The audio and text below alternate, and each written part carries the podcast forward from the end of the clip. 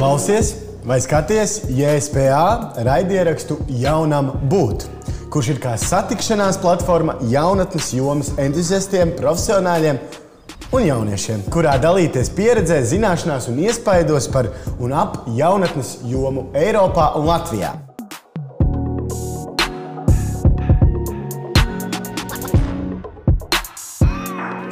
Šīs dienas tēma - mobilais darbs ar jaunatni vai ielu jaunatnes darbs. Kā atrast pareizo? Un šodien esmu aicinājis uz sarunu divas viesņas. Pirmā mana viesne šodien Zoom platformā būs Linda Kalniņa Roderte. Sveika, Linda!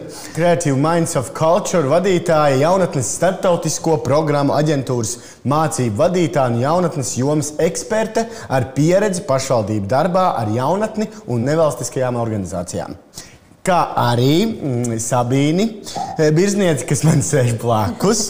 Sabīna mums ir šodien atbraukusi ciemos no Siguldas. Un Sabīna ir biedrības piedzīvojuma garāžas valdes locekle. Pareizi? Pareizi. Pareizi. Sabīna ir arī darbojusies jauniešu iniciatīvu centrā Mērķis kā jaunatnes darbiniece un jau piecus gadus Siguldas novadā jaunatnes centrā kā mentors projektā Proti un Dari. Un kā es vēl par tevi palasīju, ka tu arī mācīji bērniem dejot. Jā. Pareizi, tu esi deju skolotāja. Nu, nosacīt vairāk interešu izglītības. Interešu izglītība. Atverot mūsu sarunu, es vēlētos uh, paprasīt, mobilais darbs un ielu darbs. Ar ko tas atšķirās un kādas ir robežas šīm, šīm abām platformām? Man šķiet, jautājuma otrā daļa ir uh, nu, mazliet sarežģīta, jo tās robežas Nu, vispār, ja mēs runājam par robežām un, kaut kādām jaunatnes darba formām, mēs arī strādājot ar jauniešiem, organizācijām, un ārpus organizācijas redzam, mēs nevaram tādas taisnas robežas novilkt un pateikt, kur beidzas viena jaunatnes darba forma, kur sākas nākamā vai kur ir šīs pārējas. Tāpēc Es nevarēšu pateikt konkrēti, kur ir šī robeža. Man šķiet, ka varbūt arī nevajag nemaz to robežu tur īsti nu, vilkt, jo darba formas ir ļoti cieši saistītas. Un par tām atšķirībām, nu, varbūt tāds kā piemēra ziņā, es noteikti varētu minēt, ka mobilais darbs ar jauniešiem protams, tiek veikts tur, kur jaunietis dzīvo, tur, kur jaunietis uzturas. Ja? Mobilus tātad mēs pārvietojamies. Mēs, jaunatnes darbinieki, tie, kas strādā ar jauniešiem, kā nu kurā vietā mūs sauc, mobilie jaunatnes darbinieki, tad mēs esam tie, kas dodas pie jauniešiem uz viņu dzīves vietām. Un, savukārt, ielu jaunatnes darbs, tāda šī būtu forma, kas nav tik daudz attiecinām tieši uz ielu kā fizisku vietu, bet vispār uz publiskajām vietām, kur jaunieši var uzturēties. Ja? Un iela šajā gadījumā varbūt tiešām ir vairāk saistīts ar tādu publisku ārtelpu. Ja? Vai nu tas ir pie, um, pie lielveikaliem vai lielveikalu priekštelpās, ja, kur ir šīs uzgaidāmās telpas. Protams, arī Atsevišķās situācijās, ja mēs par mazpilsētām vai pilsētām runājam, tās ir pieturas, tās ir vietas, kur jaunieši uzturās. Jā, paldies. Un varbūt Sabīne, tu vari kaut ko pielikt klāt, klāt. papildināt. Um, jā, es noteikti piekrītu Lindai. Un, um, manā gadījumā mobilais darbs ir tiešām braukt uz pagastu pie jaunieša. Ar uh, pilnu mašīnu, visādām uh, foršām lietām. Savukārt ielu darbs vairāk būtu pilsētvidē. Bet um, tā kā arī Linda minēja, ka nav tādu skaidru un konkrētu robežu, ko nodalās, jo reizēm šīs ielu darba metodas tu pielieto arī šajos pagastos. Jo nevienmēr jaunieši ir atnākuši uz pirmo um, projekta tikšanos, un nu, tik būs nu, nu, tik tā. Un pašai ir bijis gadījums, kad uh, es aizbraucu uz Jūdažu pagastu. Un uh, ir pirmā tikšanās, un sarunātie jaunieši tur nav, bet viņi ir tur lejā pie ezera. Un, uh, kā... Jo tā ir viņu kaut kāda pulcēšanās vieta. Tad ar visām mm -hmm. picām tu ej pie viņiem, un, un, un tā arī sāca savu darbu. Jā, bet ar ko tad īsti sāk, lai izdarītu izvēli cilvēkam, kurš varbūt vēlas iesaistīties darbā ar jauniešiem? Ar ko tad sākt ar to mobīlo vai satikt tos jauniešus uz ielas? Es, es teiktu, ļoti vienkārši jāskatās, kur ir jaunieši. Un pēc tā jau arī nu, varēs saprast, vai, būs, vai šīs metodes vairāk atbildīs mobilajam darbam, ar jauniešiem šai plānošanai, regularitātei, par kur arī Savīna noteikti par, par šiem braucieniem ar, ar pilnu mašīnu un materiāliem var, var arī padalīties piemēros, vai arī tās vietas, kur, kur, jaunieši, kur jaunieši vienkārši uzturas. Es domāju, ka visvienkāršāk ir sākt varbūt arī ar to, kāda veida iepriekšējā pieredze ir cilvēkam, ka, ka, kas ir tas, kādā veidā jūs eh, plānojat vai gribētu uzrunāt šos jauniešus. Un kas ir tas mērķis vai tas uzdevums? Jā, kāpēc jūs viņus gribat uzrunāt? Jūs uh, gribat, lai viņi pēc tam atnāk uz jauniešu centru, iesaistās kādās aktivitātēs, vai jūs viņus gribat iesaistīt kā brīvprātīgos jauniešu organizācijā, vai, uh, vai jūs vienkārši vēlaties noskaidrot, uh, kā viņiem dzīvē iet, kāda ir viņu dzīves situācija un varbūt sniegt kādu veidu atbalstu. Es domāju, tas ir skatu punkts, no kura jāskatās vairāk kas ir tas, ko mēs kā jaunatnes darbinieki, jaunatnes jomas pārstāvji, ejot pie jauniešiem, ar kādu mērķi mēs ejam. Un tad jau mēs arī, nu, varbūt ne tik vienkārši, bet vismaz vieglākā situācijā esam, jo tad mēs skatāmies un negrābjam visu, nedaram visu un priekš visiem, bet mēs fokusējamies tiešām uz jauniešu tādu nu, individuālo profilu vai uz jauniešu grupu profiliem tad arī mums pašiem tā, tā, tas ikdienas darbs paliek. Um, mazliet, mazliet vieglāks. Jo tad mēs zinām, um, kā, kā Sabīna minēja, vai kādas spēles ņemt līdzi, vai mums nevajag šīs spēles, vai mēs dodamies vienkārši parunāties ar jauniešiem. Vai mums ir nepieciešams vēl kāds speciālists, varbūt, jā, ar kuru mēs uh, varam jau konsultēties, kā konkrētā jaunieša vajadzības risināt ko viņam konkrēti piedāvāt viņa situācijā. Nu, varbūt Sabīnai ir kāds piemērs. Jā. Jā, um, manuprāt, ļoti, ļoti nozīmīgs ir šis izpētes um, moments. Tieši pētījumu dati, vai, vai tās ir, um, manuprāt, nepietiek tikai ar anketēšanu, kad tu aizbrauc uz skolām, tu saproti, kādas ir jauniešu vajadzības, intereses, vēlmes. Uh, bet vajadzīgi arī ir veikt uh, fokus grupas, kurās tu katrā vietā izzini katra uh, bez mazai šī jauniešu grupas uh, intereses. Jo bieži vien viena kaut kāda cildes novada, piemēram, ietveros pagastos, ir pavisam atšķirīgas šīs intereses un vajadzības. Un viena programma var strādāt vienā vietā, bet uh, Viņi var arī nestrādāt citur. Un tieši tas izpētes process ir ļoti, ļoti, ļoti svarīgs.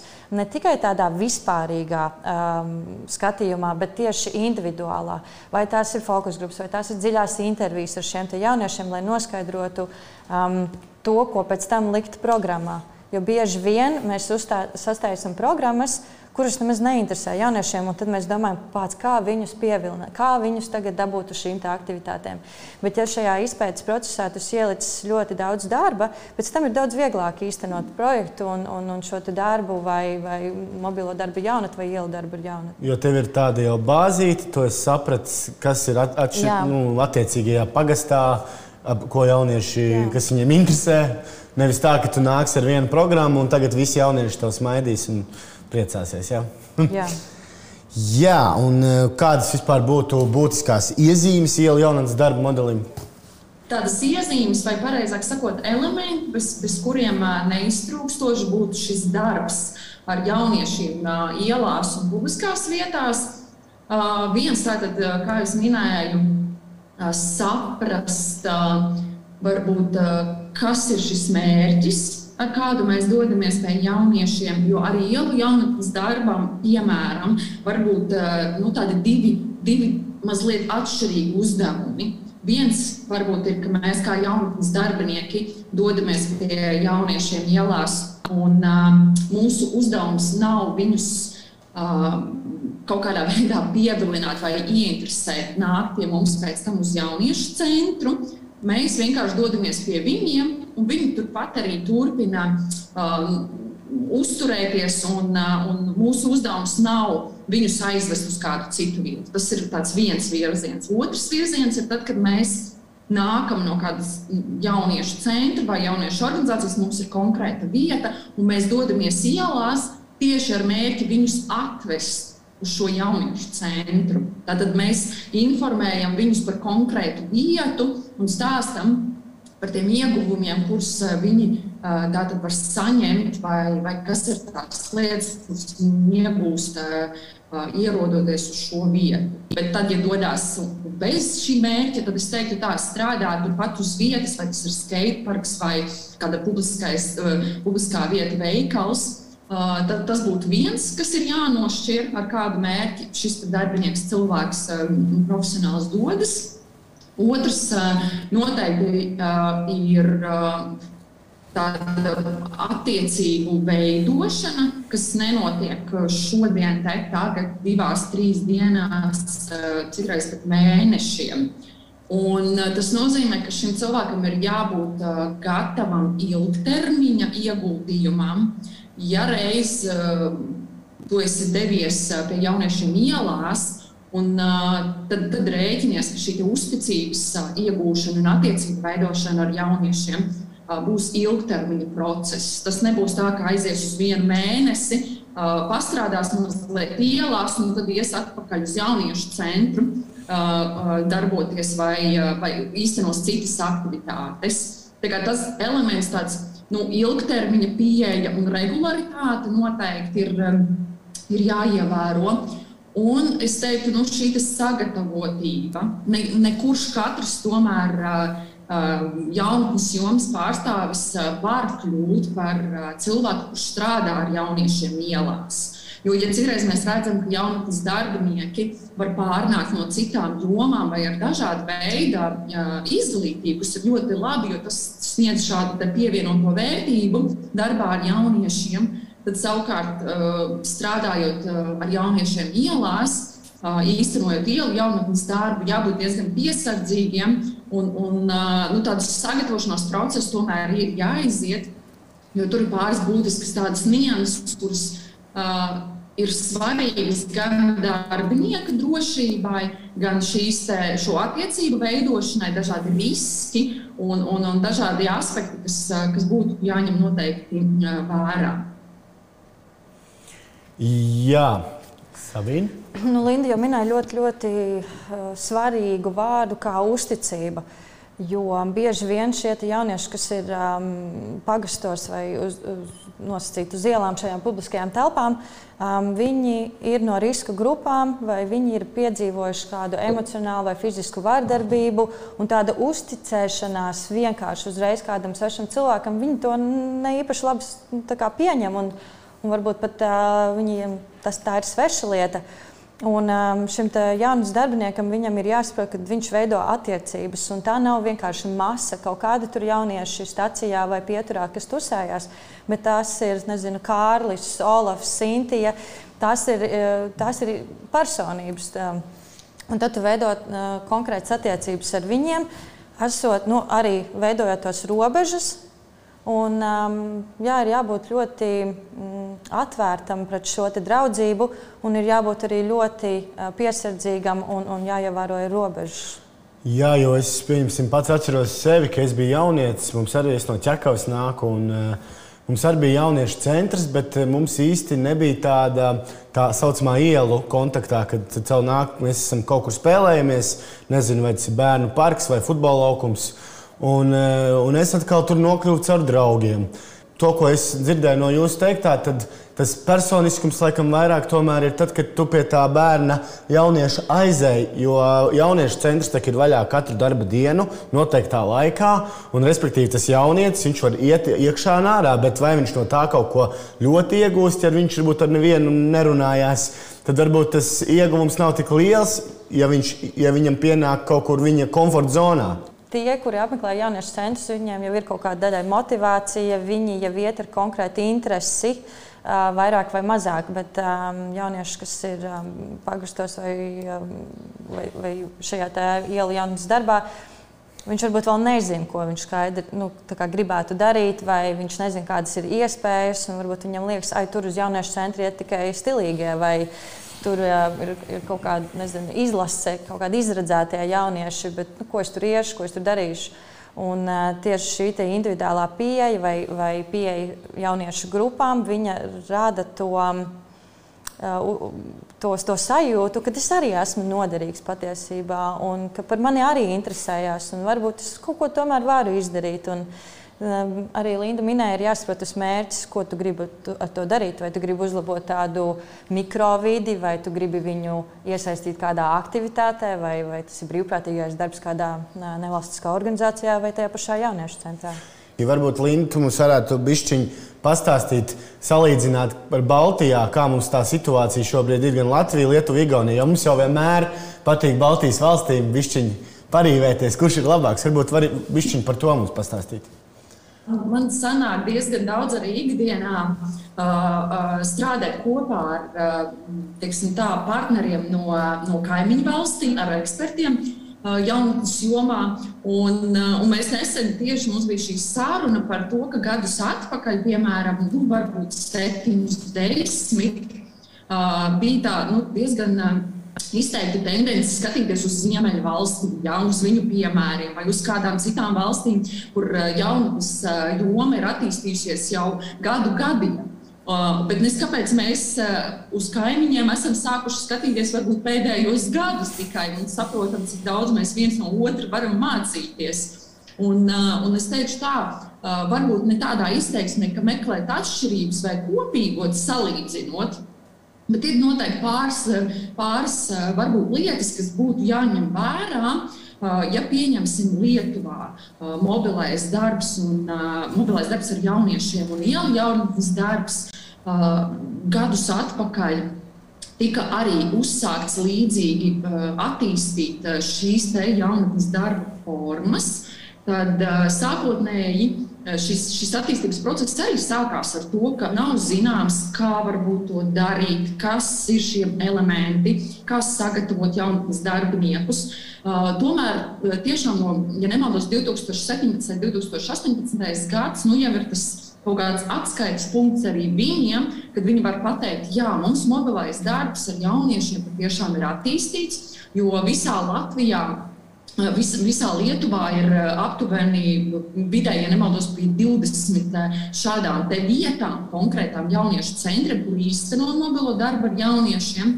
Tad, piemēram, mums Latvijā arī bija iespēja, lieliski iespēja pašvaldībām un jaunatnes organizācijām ar valsts finansējumu atbalstu izmēģināt un attīstīt šīs formas nu, kur mēs esam, tur mēs esam. Ja? Vienam tas ir ātrāk, vienam varbūt lēnāk.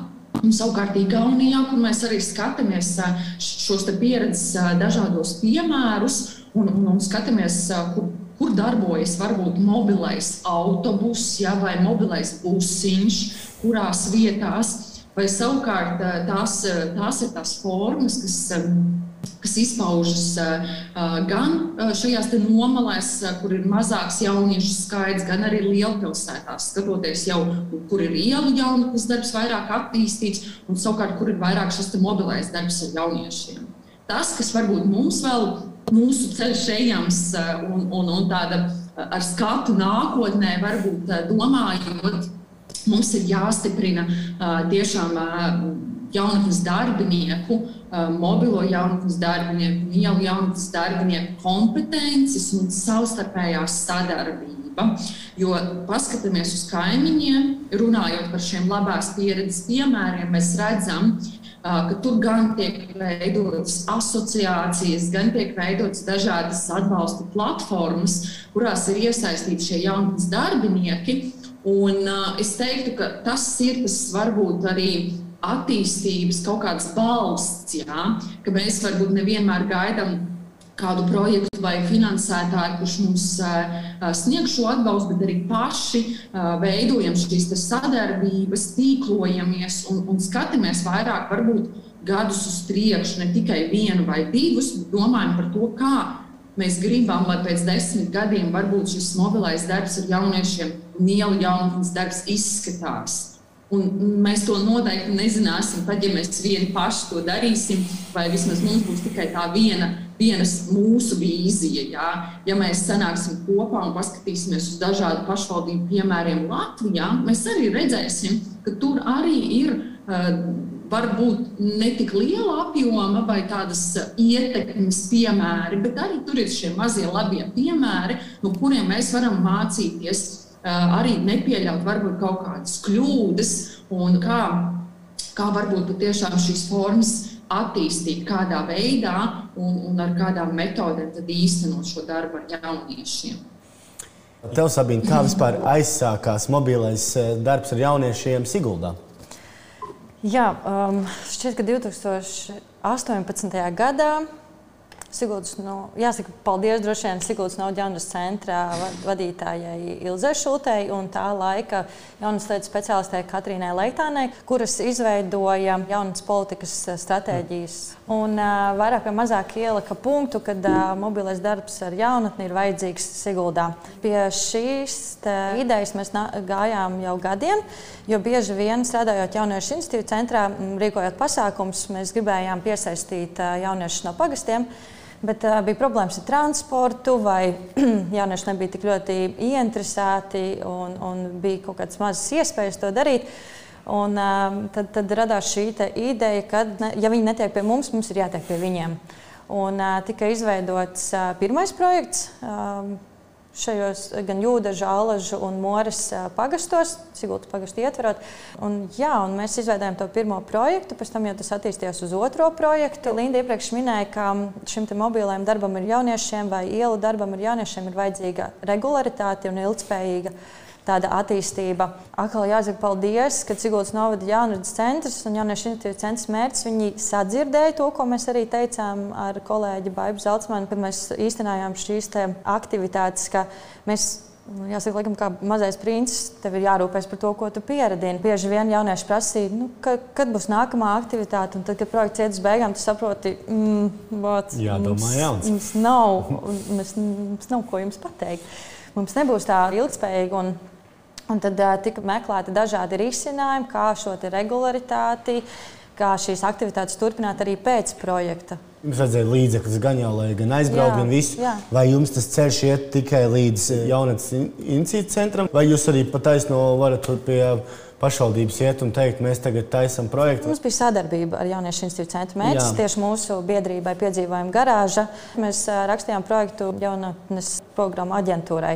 Um, un tika arī piesaistīti līdzekļi no pašvaldības. Un, mm. ļoti daudz nāca pretī skolas, uh, un mēs sākām veidot šo starp institūciju sadarbību, jo nāca tālāk gan bāriņtiesas, gan pašvaldību policijas, gan sociālais dienas, gan skolas, skolotāji, interešu izglītības. Mm. Visi ieliec vilcienā. Jā, tā tas būtu forši. Ja tā ir tik daudz nosaukumu. Jā, jā, bet vienkārši mēs mēģinājām vilkt ārā tos speciālistus, kuri, būtu, uh, kuri vēlētos to darīt. Jo, manuprāt, viens izaicinājums uh, ir ja tev ir komanda, bet komandā varbūt nav tik um, ieinteresēti cilvēki, Un, eh, un bieži vien skolotāji arī skolās domā, ka tas ir eh, sloks, ka man būs papildus kaut kas jādara. Bet um, priekšrocība sāk veidoties tad, kad tu saproti, o, oh, es šo, piemēram, um, mobilo darbu jaunu, šo projektu varu izmantot sev par labu, integrēt viņu skolas vidē vai integrēt viņu ārpus stundu aktivitātēs. Tas jau sāk kļūt par tādu komandas darbu, kurā jau viss novada speciālisti sāk jau kaut kā savā veidā iesaistīties. Un, um, tas ir tāds pozitīvs piemērs no Sigūdas. Jā, un uh, turpinot, uh, Linda mums tikko pastāstīja, kā ir Baltijā, bet es saprotu, ka to arī mums var pastāstīt plašāk, Eiropas kontekstā.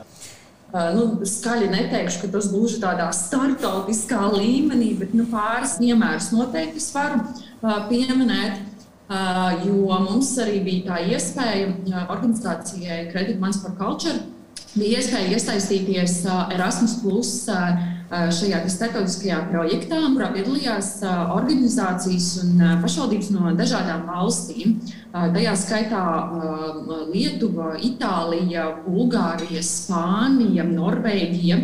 Un, un līdz ar to bija iespēja paskatīties un arī pamācīties, apgūt šādu kaut kādu cita veida pieredzi. Ja? Jo ļoti svarīgi ir tas, kādā vidē mēs īstenojam šo darbu ar jauniešiem. Un tad, protams, Tas, kas mums bija vairāk saistīts tieši ar Itālijas organizācijas pieredzi, kurā viņi dalījās, ka viņu gadījumā specifika varbūt bija lielāka uz jauniešiem, kas, kas nu, principā vairāk laika pavadīja ārā uz ielas. Līdz ar to viņiem absolūti nebija nepieciešama vieta, uz kuru šos jauniešus vēst. Viņu galvenais uzdevums bija saprast, kā organizēt aktivitātes un kāda veida, lai šiem jauniešiem nodrošinātu šīs iespējas ārtelpās, kā mēs tagad sakām. Un, un tur izteikti bija dažādi gan, gan sportiskas aktivitātes, gan dažādas orientēšanās, caur kurām varēja šos jauniešus vairāk arī iepazīt. Kas attiecas piemēram uz Rumāniju, kur arī atbilstoši kontekstam, lielāks uzsvars uz jauniešu dažādu problēmu risināšanu bija integrēšanās un dažādi starpkultūru jautājumi, kas ir saistīti tieši arī ar minoritātēm. Viņu gadījumā varbūt tas ir arī stāsts par romu jauniešiem. Ir gadījumi, kad mēs varam apliecināt viena veida pieredzi un izmantot to savā situācijā. Un tad ir kāds, piemēram, Bulgārijas gadījumā, kur skolai laiks ir noteikts, kad jaunieši to skolnieki dodas uz skolu. Tur ļoti interesanti, ka tas nav kā mēs esam pieņēmuši varbūt no astoņiem rītā līdz nu, cik nu kurds. Bet tur savukārt šis mobilais darbs ar jauniešiem bija nepieciešams veikt no rīta. Jo tad jauniešiem ir laiks, tad stundas nenotiek. Viņiem stundas sākas uh, salīdzinoši vēlāk, uh, 11, 12, oh. kā, kā, kurā, kā kurā skolā. Un, protams, Šīs pašvaldības piemērs mums lika aizdomāties, kā mēs savukārt rīkotos un kāda veida metodas mēs izmantotu, ja mums būtu uh, jāorganizē šīs aktivitātes jauniešiem no rīta. Kādas mainītu mūsu, uh, mūsu pieeju? Ja? Nu, ja mēs tā skatāmies arī no valsts izmēru un teritorijas pārklājuma, nu, mēs kaut kādā mērā uh, tik daudz nesaskaramies ar tiem izaicinājumiem, kas ir saistīti ar bēgļiem, ar varbūt minoritāšu jautājumiem, kur arī ietekmē lielā mērā jauniešus. Un, uh, un tie ir dažādi sociāli tiešām uh, rakstura jautājumi, vai precīzāk sakot, šis, šie profili, un, un tur ir daudz lielāka nu, dažādība, ar kuru tam jaunam darbiniekam uh, nu, principā ir jārēķinās. Mums varbūt šie, šie gadījumi nav tik ekstrēmi. Ir pietiekami daudz jā, problēmu, un sociāla rakstura jautājumi, kurus nāks risināt. Bet, ja mēs paskatāmies varbūt tiešām uz lielākām valstīm un arī tām pilsētām, kur koncentrējas jaunieši, tad, tad jā, mēs, mēs arī saprotam to, ka nu, mums vēl varbūt tie risinām, risināmais jautājumu lokus, kas ir kas, nu, nomāts jaunieti vai ar kuriem viņi ikdienā saskars, nav tik plašs. Mēs, es domāju, jaunatnes jomas pārstāvji un arī tie, kas plāno un īsteno darbu ar jauniešiem, kaut kādos brīžos mēs skatāmies uz to mūsu problēmu loku no mūsu skatu punkta. Un tad mēs sakām, jā, bet mums nav šis, un mums nav tas, un mums ir ļoti sarežģīti izdarīt to, un mēs saskaramies ar tādām problēmām un šādām. Jā, bet izaicinājumi ir visiem. Arī paskatoties tepat uz Ziemeļvalstu piemēru, kur, kur mēs arī bijām aizbraukuši mācību vizītē. Un arī paši Norvēģi, nu, šie jaunatnes jomas darbinieki, kurš strādā ar jauniešiem, viņi saka, jā, mums vēsturiski ir ļoti dziļas saknes darbam ar jaunatni. Mums, mēs esam attīstījušies laika gaitā, mums ir bijusi iespēja gan apmācīt darbiniekus, gan dot viņiem šo atbalstu, bet ziniet, Viņi arī saka, mēs arī atkal atgriežamies pa laikam atpakaļ, un arī mums ir ļoti līdzīgi izaicinājumi tieši tādi paši kā varbūt citām mazākām valstīm. Un tas nebūtu nenozīmē, ka šajā attīstībā kaut kur mēs varam nu, apsēsties vienā brīdī, teikt, nu, ļoti labi, mēs tagad esam sasnieguši kaut kādu attīstības punktu, un mēs varam uh, lepoties ar to, jā, bet noteikti neapstāties skatoties jau vairāk vai mazāk uz to, cik paši jaunieši ir mainīgi un cik mainīgs ir viņu vidas. Nu, mums tas ir tāds pat pilnīgi, es teiktu, pašsaprotams tāds, ja rādītājs, ka ir jāskatās un, un jādomā, kā kā mainīties līdzi arī mūsu metodēm, ja, tam, tām pieejām. Jā, jo tomēr tās pamatvērtības tieši sarunāties ar to jauno cilvēku ir paliekošas, un tās ir iekšējās kā cilvēkam, bet tomēr varbūt tos veidus mums vajag attīstīt. Bet tagad es vēlētos pāriet uz nākamo tādu jautājumu, ka mēs tomēr runājam par diviem modeļiem, bet kurš tad ir tas brīdis, kad pašvaldībai vajadzētu sākt domāt par ielu jaunatnes nu, darbu? Sabīna, varbūt tu varētu. Labs jautājums. Um, Kā tev liekas? Jā, es domāju, ka tā ir jāveic regulāri pētījumi. Visu laiku ir jāvāc dati, vai tas ir pēc gada vai diviem. Kaut kā katru mēnesi to darīt, vienkārši kontrolēt to situāciju un skatīties.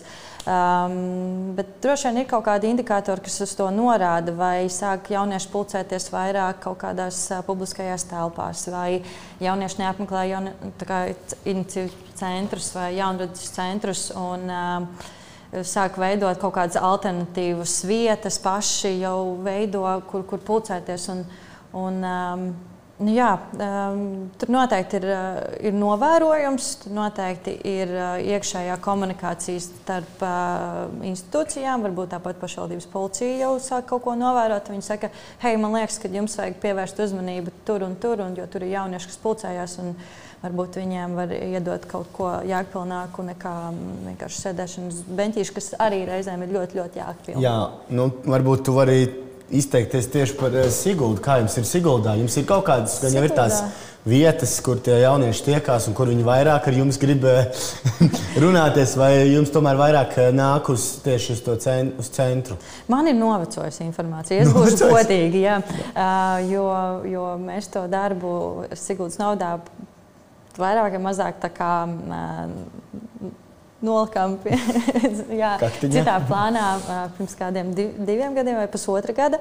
Bet es jau nu, ļoti regulāri uzturu attiecības, tādas draudzīgas attiecības ar jauniešu institīvu centru. Tad mhm. um, šobrīd ir tā, ka var, var priecāties un jaunieši nāk uz jauniešu centru.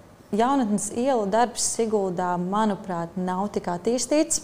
Un, um, tad, kad es tur strādāju par jaunas darbinieku, es to piekopu bet kā tādu metodi, lai es varētu uzrunāt jauniešus, un lai es vispār saprotu, kas pa jauniešiem man apkārt grozās, un, un kā es viņiem varu palīdzēt, un kā mēs varam kopā strādāt.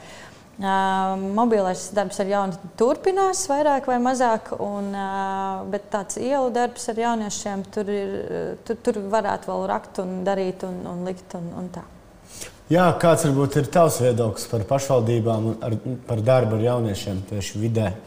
Nu, principā, ja mēs runājam par tādu, tā kā es, ja es pareizi jautājumu sapratu attīstības perspektīvā, Jā. kas vairāk tiek. Jā. Uh -huh.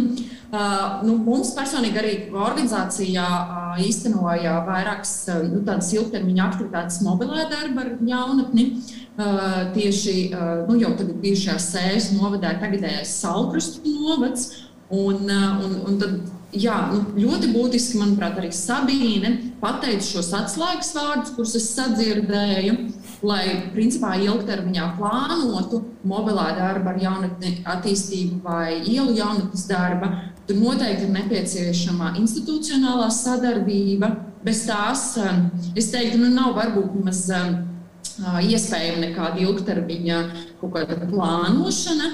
Un, un arī noteikti šī savstarpējā elementārā komunikācija, saziņa starp tiem, kuri vispār ir iesaistīti kaut kādā mērā ar bērniem, jauniešiem, un informācijas apmaiņa. Jo ikdienā, protams, mēs mēdzam strādāt un dzīvot savos informācijas burbuļos, un, un, un varbūt mēs tiešām pat nemaz neapzināmies ar ko nodarbojas nezinu, citi kolēģi pašvaldībās, noteiktās iestādēs. Un, un tas, tas ir tas, kas noteikti ir. Nu, pie kā ir vairāk jāpiedomā, bet arī katram no mums tomēr ir jāieguldās. Jo nu, mēs nevaram gaidīt, ka kāds atnāks un tagad, nu, savidīs visu kārtībā, it īpaši tajās vietās, kur mēs paši strādājam. Nu, tas ir kādu no veidiem izvēlēties vai kuru vairāk attīstīt, vai kuru mazāk, tas ir ļoti atkarīgs no tās pašvaldības um, teiksim, tās situācijas, kur šie jaunieši pulcējas, kāda veida profils viņiem ir, kas ir tas, kas, kādas ir viņu šīs vajadzības, un, un, un, un to var darīt regulāri apzināti. Vienkārši regulāri, tiešām vismaz reizi gadā apzinot situāciju, un tad atbilstoši arī uh, skatoties un plānojot.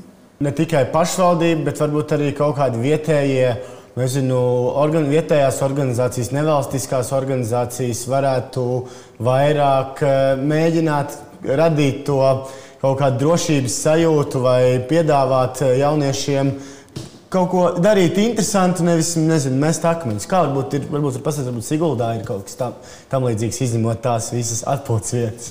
Jā, uh, manuprāt, ļoti labs piemērs ir Alažos, ja tur ir Alaža saime. Jā. Uh, un viņi regulāri veido foršas pasākumus, kuros arī iesaista jauniešus. Manuprāt, tieši pagastos ir uh, forši veidos tādas komunas, uh, ja veidojas, vai tās ir saimas, vai veidojas kaut kādas interešu grupas, un tad viens otru pieskata vai viens otru iedvesmo darīt kaut ko. Un, kas vēl ir pozitīvi no, no, no, no šīm te, mm, grupām, kas veidojās, ir tas, ka tur ir dažādi vecumi. Tur ir, tur ir bērns ar jaunieti, tur ir vecāka gada gājuma cilvēks ar jaunieti. Tad tā pieredze ir tik dažāda, viņi savā starpā mijās. Un, līdzdarbojās, ka, ka, ka ir forši skatīties, ka nav tikai tā, ka jūs esat jaunieši, mēs jūs nepieņemam, vai nezinu, jūs esat tur vecajā. Tieši par alažiem, ja? Jā, bet tā, kopumā Nē. arī, arī mm, pa mori to varētu teikt, pa moras pagastu. Jūdužos savukārt viņi, viņi varbūt ir mazāk tie jaunieši, līdz ar to viņi tur miksējās ar mori kopā. Viņi vairāk saplūst savā starpā. Jaunatnes darbs vispār ir ļoti mainīgs. Uh, manuprāt, ir tāds, ka tā skaidri var saprast. Skaidri pat nav īstais termins, bet tu tā vari nojaust, kas ir tādos divos gados. Um, tur plānot kaut ko divu gadus priekš, un tad, protams, ilgtermiņā mēģināt iet uz to savu mērķi, bet ar esošo, esošo situāciju, manuprāt, pēc manas pieredzes, tu redzi tādā divu gadu griezumā. Jo, Piemēram, tie jaunieši, kas uzsāk projektu 7. klasē, viņi 9. pabeigs, viņi dosies tālāk, jo tajās pašās skolās, kas ir pagastos, viņi ir līdz 9. klasē, un tad viņi vai nu iet uz pilsētu, vai nu brauc uz Rīgu vai, vai uz citām pilsētām. Un, Un aptuveni tu, tu saproti viņa tās intereses, un tās jau gan vairāk vai mazāk viņas tādās lielos vilcienos viņas nemainās. Vai tās mm. ir mhm. kaut kādas, vai arī pamatvērtības, vai tās ir kaut kādas prasmes un zināšanas, kas viņam ir vajadzīgas. Varbūt viņam vajag komunikāciju, saskarsmi, um, uzlabot, un, un, un, vai savas iniciatīvas tieši nebaidīties, kļūdīties un darīt un, un tam līdzīgi. Uh, bet, ja, ja runājam par to, ka tā savstarpējā komunikācija starp 5-gadnieku un, un, un 14-gadnieku un nezinu, tur, uh, 53-gadnieku ir ļoti, man, manuprāt, veiksmīgs. Jā, varbūt Linda var kaut ko vēl pie, piemetināt šim. Es arī noteikti ļoti, ļoti daudz kam piekrītu, ko Sabīna jau minēja, tāpēc galīgi neatkārtošos. Bet, bet tas, ko papildināšu, ir šīs, te, protams, vecumam atbilstošas intereses, jā, vai vecumam atbilstošs piedāvājums. Jo mēs arī skaidrs, ka strādājot ar jauniešiem, organizācijām, Mēs vienlaicīgi mums nav tādu resursu, lai mēs piedāvātu pilnīgi visu vecumu jauniešiem atbilstoši brīvā laika aktivitātes. Tas vienkārši fiziski nav iespējams. Un arī finansiāli, protams, tad, tad tas ir pilnīgi, pilnīgi citā apmēra darbs. Bet tas, ko mēs noteikti varam darīt, tiešām mēģināt rast šos kop, kop, kop, nu, nezinu, tādus kopsatikšanās punktus, vai kaut kādas intereses un piedāvājumus, kas, kas var savest arī kopā dažāda vecuma jauniešus, bet balstoties tiešām uz viņu interesēm. Ja? Jo jaunieši patiešām ir dažādi, tas nav, nav nekāds atklājums, viņu vajadzības un intereses arī ir atšķirīgas. Bet no pieredzes var teikt, ka kaut kādā brīdī patiešām arī Mārtaus pieminētais, pieminētais piemērs par to, ka nu, kaut kur dziļi sirdī tas jaunietis tik un tā, viņš, viņš ir cilvēks, viņš grib būt uzklausīts, viņš pats grib izteikties, viņš grib izteikt savas domas, savus sapņus. Un, un, un nevienmēr tam ir šķērsis šis vecums. Ja? Vienkārši katrā vecuma posmā viņa, viņa varbūt tas skatījums uz dzīvi ir atšķirīgāks. Bet noteikti atgriežoties, atgriežoties pie tā, kāds ir varbūt mūsu kā jauniešu organizācija tas mērķis, tad, un arī jauniešu centri, kur darbojas pašvaldībās, vai mēs, vai mēs gribam palīdzēt šiem jauniešiem viņu vecumam un interesēm nodrošināt atbilstošas brīvā laika aktivitātes un šo piedāvājumu, vai mēs gribam viņus sagatavot jau pieaugušā dzīvēm. Jā, kas, kas ir tas mūsu uzstādījums? Līdz ar to mēs arī redzam, kāds būs tas piedāvājums.